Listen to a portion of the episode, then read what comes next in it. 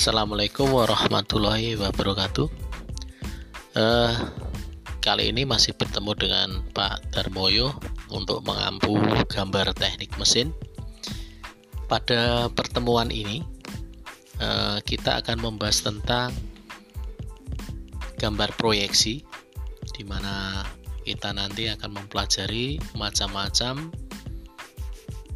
definisi gambar proyeksi.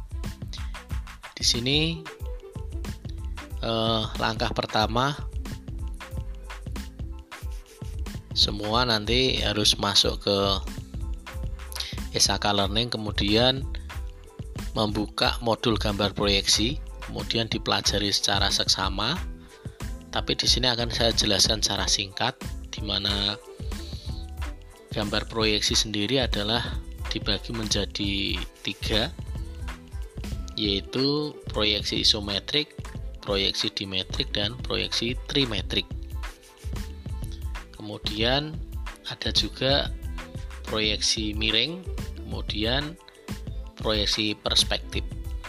E, pada kali ini e, sebelum memulai mengerjakan tugas gambar proyeksi itu sebaiknya pertama masuk ke SAK Learning kemudian jangan lupa absen tepat waktu jam 7 saya tutup sampai jam 4 kemudian setelah itu pelajari eh, modul-modul yang sudah saya upload di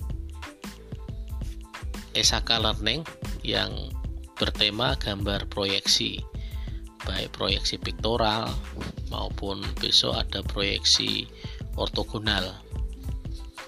Nah, pada tugas-tugas yang sudah saya cantumkan dalam SAK Learning, kamu diwajibkan untuk mengerjakan tugas-tugas itu yang sudah saya upload. Kemudian waktu pengerjaan tugas itu dua hari setelah saya upload dalam SAK Learning. Kemudian seperti biasa, untuk pengumpulan tugas, kirimkan ke WA kelas saja.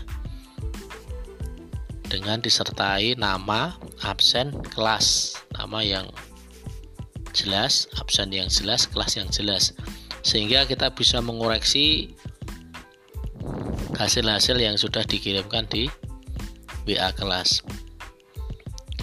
Itu saja yang bisa saya sampaikan. Selamat belajar.